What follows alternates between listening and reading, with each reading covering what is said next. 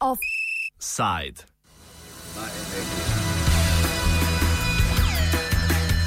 Pacifistična Japonska.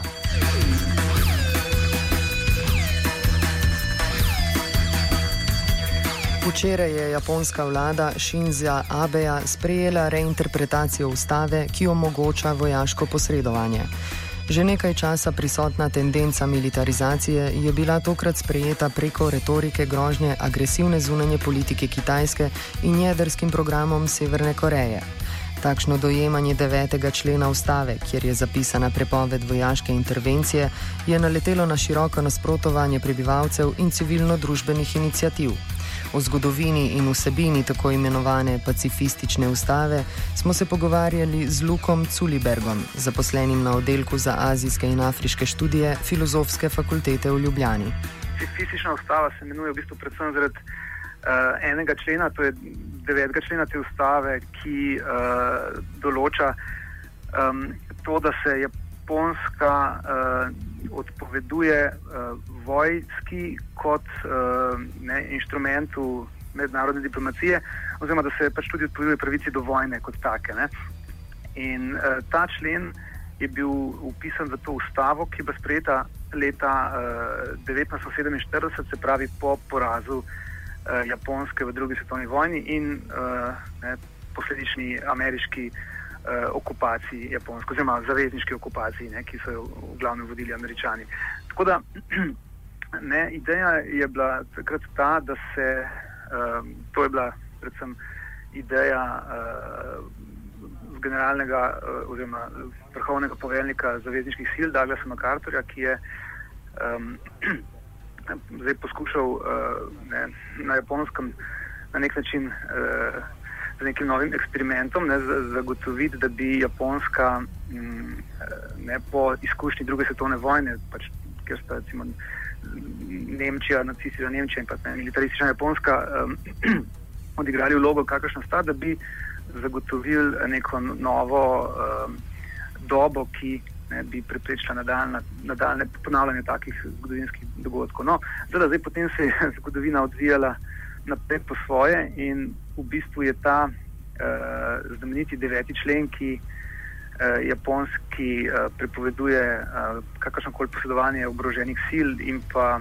ne, pravici do vojne, kot, uh, kot rečeno, uh, sredstvo mednarodne diplomacije, uh, začel hoditi na robe, uh, ne, predvsem američanom samim uh, v njihovih nadaljnih vojnah, ki so sledile ne, po letu 50 pa do, do danes.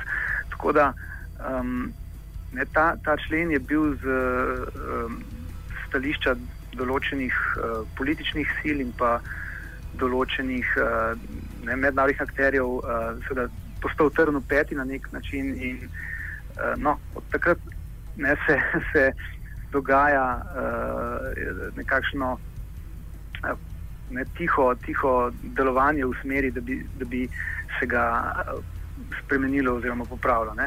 Na drugi strani pa je večji del japonskega naroda sprejel ta pacifistični člen kot uh, neko uh, pomembno točko identifikacije ne, svoje uh, nove uh, povojne države in um, so ga uh, sprejeli, uh, se pravi, uh, ne, zelo, zelo uh, trdno in, in zato ga tudi pač, uh, ta večinski delež populacije ne, ho, hoče na vsak način tudi ohraniti. Ne. Če tudi je bila ta, ta ustava, ne še enkrat podarjam, ki je bila v bistvu napisana med okupacijo Japonske, ki so jo napisali uh, zavezniki ne, in ne pravzaprav japonska uh, uh, politika ali pa japonski narod sam, ampak uh, kljub temu ne, so jo vzeli kot neko, neko posebnost, ki uh, ne, japonskemu narodu daje nek poseben pacifistični značaj, je s to ustavo. To predstavo pacifistične nacije so se japonski prebivalci v veliki meri identificirali, na kar nam tudi zgovorno kaže primer samozažiga minulo nedeljo, ki je bil storjen z namenom nasprotovanja taki spremembi prakticiranja ustave. Ta je v strani naroda ustvarjeni podobi močno idealizirana. Več o idealizirani predstavi nekdanje implementacije ustave in pomenom ter vsebino reinterpretacije govori Culimberg. Šlo je eh, za to, ne, da, uh, kot sem rekel uh, predtem, uh, po uh, prejetju te ustave, ne, zelo hitro se, se tudi ne, mednarodne in geopolitične stvari še začele močno spreminjati, prišlo je do hladne vojne. Ne, Amerika je potem začela stopiti v, v različne vojne v zadnjih 50 letih, od korejske, vietnamske, pa potem zalivskih, uh, iraških, afganistanskih in tako naprej. In um, Japonska ne, je v uh, vsem tem času, kot njena tesna zaveznica, seveda ostala zunaj teh uh, spopadov um, ne, po, z argumentom svoje um, mirovniške ustave. Um, prišlo je seveda po, po koncu okupacije uh, potem, uh, in, in do sprejetja te um, varnostne pogodbe med Ameriko in Japonsko, tudi do ustanovitve uh, tako imenovanih ne, samoobrambnih sil. Ne. Tako da Japonska seveda ni ostala brez vojaške, če tako rečemo, ne, pravi, brez oborožene sile uh, vse čas, kako je ne, uh, idealistično bilo zapisano v tej njeni ustavi. Ne, namreč, pred, člen v ustavi je precej jasen. Ne, japonski narod se zavedno odpoveduje vojni kot suvereni pravici naroda in ne pač grožnji z vojno kot sredstvo uh, reševanja mednarodnih disputov, mislim, uh, torej nesoglasi. Uh, ne, in nadaljuje ta člen, da zato Eh, ne, ne, Japonska ne bo imela nikakršnih zemljskih, oziroma kopenskih, mo, morskih in zračnih sil. Ne. In to, ta člen ustave je uh, svobodno interpretiran že zadnjih 50 let, ne, ker Japonska, uh, oziroma 60 let, ne, včeraj je namreč bila celo 60-letnica ustanovitve teh samoobramnih sil.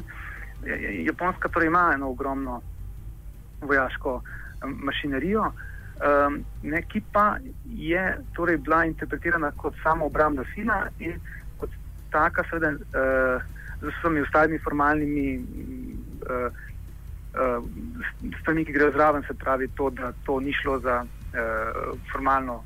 Vojsko, ampak so ljudi, pripadniki samoobradnih sil, civilisti ne, in tako naprej, in da se ta da se te sile niso uh, udeleževale vojaških misij v tujini, ne? ker je šlo izključno za samo obramne sile. Zdaj je pa tukaj še za en korak naprej. Ne? Zdaj je pa za korak naprej, da se s to uh, reinterpretacijo, ki jo je uh, vlada Šinzo Jabeja torej včeraj sprejela, brez kakršne koli potrditve v japonskem parlamentu, um, da se zdaj dovoljuje uh, tem japonskim uh, samoobrambnim silam, tudi uh, razno razna posredovanja zunaj meja Japonske, ne v uh, pač specifičnih uh, situacijah, ki jih zdaj predvideva ta reinterpretacija. Ne. Recimo od tega, da se stopi lahko na pomoč uh, um, ameriškim vojnim ladjam, da se lahko prestrega ladje. Ne v mednarodnih vodah za pač inšpekcijo, in tako naprej, če gre za pač sumljive stvari, da se lahko sestreli kakšne rakete, ki bi bile usmerjene proti Ameriki.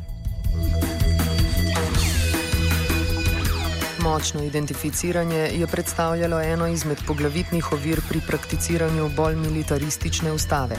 Več o formalnem postopku, skozi katerega bi morala drugače iti sprememba ustave in njenemu težkemu doseganju, nam je povedal Culiberg.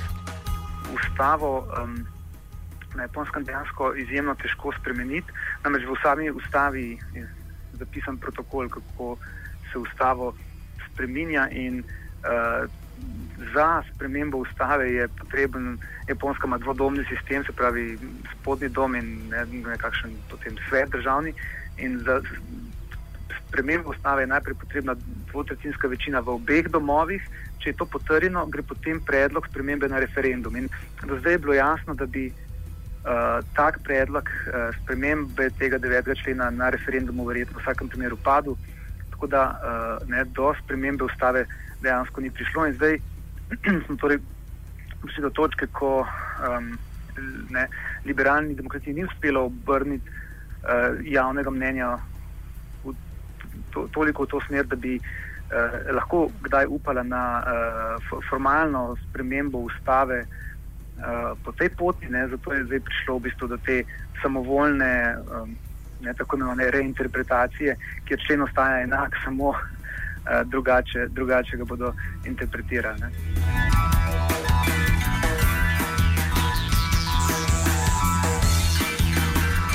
Reinterpretacija ustave in drugačno prakticiranje 9. člena ima tudi pomembne mednarodne posledice. O njeni geopolitični pomembnosti smo govorili z obramboslovcem Vladimirjem Prebiličem. V zadnjem obdobju prihaja do vse bolj jasnih geostrateških teženj, predvsem sosednje Ljudske republike Kitajske. Že nekaj časa je jasno, da se obe državi zapletata v spore v Južno-Kitajskem morju, eh, še posebej pa se je to stopnjevalo v primeru lastništva nad otočjem Senkaku. Gre sicer za nepomembno otočje v narekovajih, gre pa zelo pomemb za pomembno gesto izražanja moči. In mislim, da skozi to optiko, skozi to prizmo je nujno potrebno razumeti, da Japonska enostavno ne more več preprosto gledati v stran. E, težava, ki nastopa na drugi strani, pa je ta, da tudi Združene države Amerike, ki so tradicionalne zaveznice Japonske, e, same s svojo prisotnostjo več ne bodo mogle izvajati e, neke, nekega balansa, nekega ravnoteže v tem pacifiškem prostoru in seveda se iščejo partnerji. Eh, in skozi to razumevanje je nujno videti tudi to odločitev japonske vlade, ki je, moram priznati, predvsej drzna.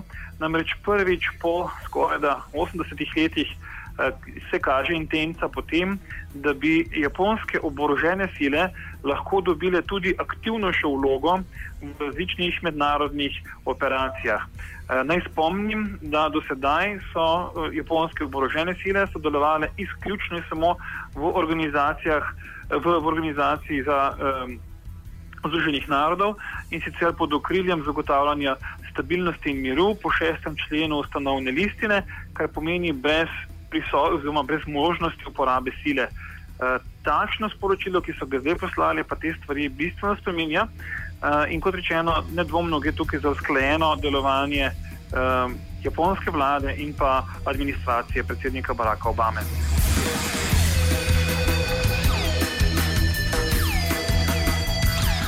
O posledicah, ki jih lahko pričakujemo, govori Prebilič. Najverjetneje eh, se bo nadaljevalo sodelovanje med Ljudsko republiko Kitajsko in pa Rusko federacijo. Eh, to sodelovanje je bilo že pred tedni, meseci vedno bolj očitno, tudi z podpisom velikega posla na energetskem področju. Namreč prišlo je do uh, sklenitve pogodbe za dobavo ruskega plina Ljudske republike Kitajski, kar je tudi, po mojem, eden izmed razlogov, da so se nekatere države v tem prostoru uznemirile. Je pa tudi res, da Kitajska vse bolj svojo prisotnost izraža Eh, tudi z orožjem. Zelo hitro se povečuje kitajski obrambni proračun, ki je že tako zelo težko ga transparentno sploh eh, pregledati. Eh, in seveda zelo veliko Kitajska investira v vojaško oziroma obrambno industrijo. Tako da krepitev oboroženih sil znotraj Ljudske republike Kitajske nedvomno sporoča, da se Kitajska uvršča ne samo kot gospodarska velesila, ampak tudi obrambno-vojaška velesila v tem prostoru. Verjetno bodo sledili še tesnejši pogovori med tradicionalnimi zavezniki Združenih držav Amerike, poleg Japonske so to še Filipini in pa Avstralija. Eh, Predpričam pa sem, da bodo tudi iskali pospešen dialog z Indijo kot največjo demokracijo na planetu Zemljo, kar se tiče števila prebivalcev. Tako da tukaj bo verjetno se geopolitična slika spremenila v toliko, da se bo okrepilo sodelovanje med v narekovajih zavezniki Združenih držav Amerike. In pa po drugi strani, da se bo kontinentalno sodelovanje med Ljudsko republiko Kitajsko in Rusko federacijo stopnjevalo tudi v bodoče.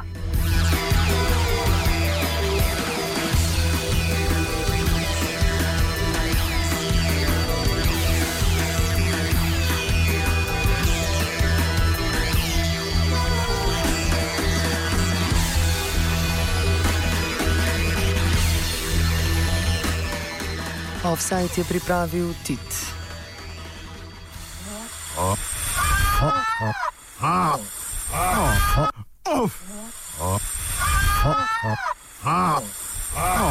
Offside.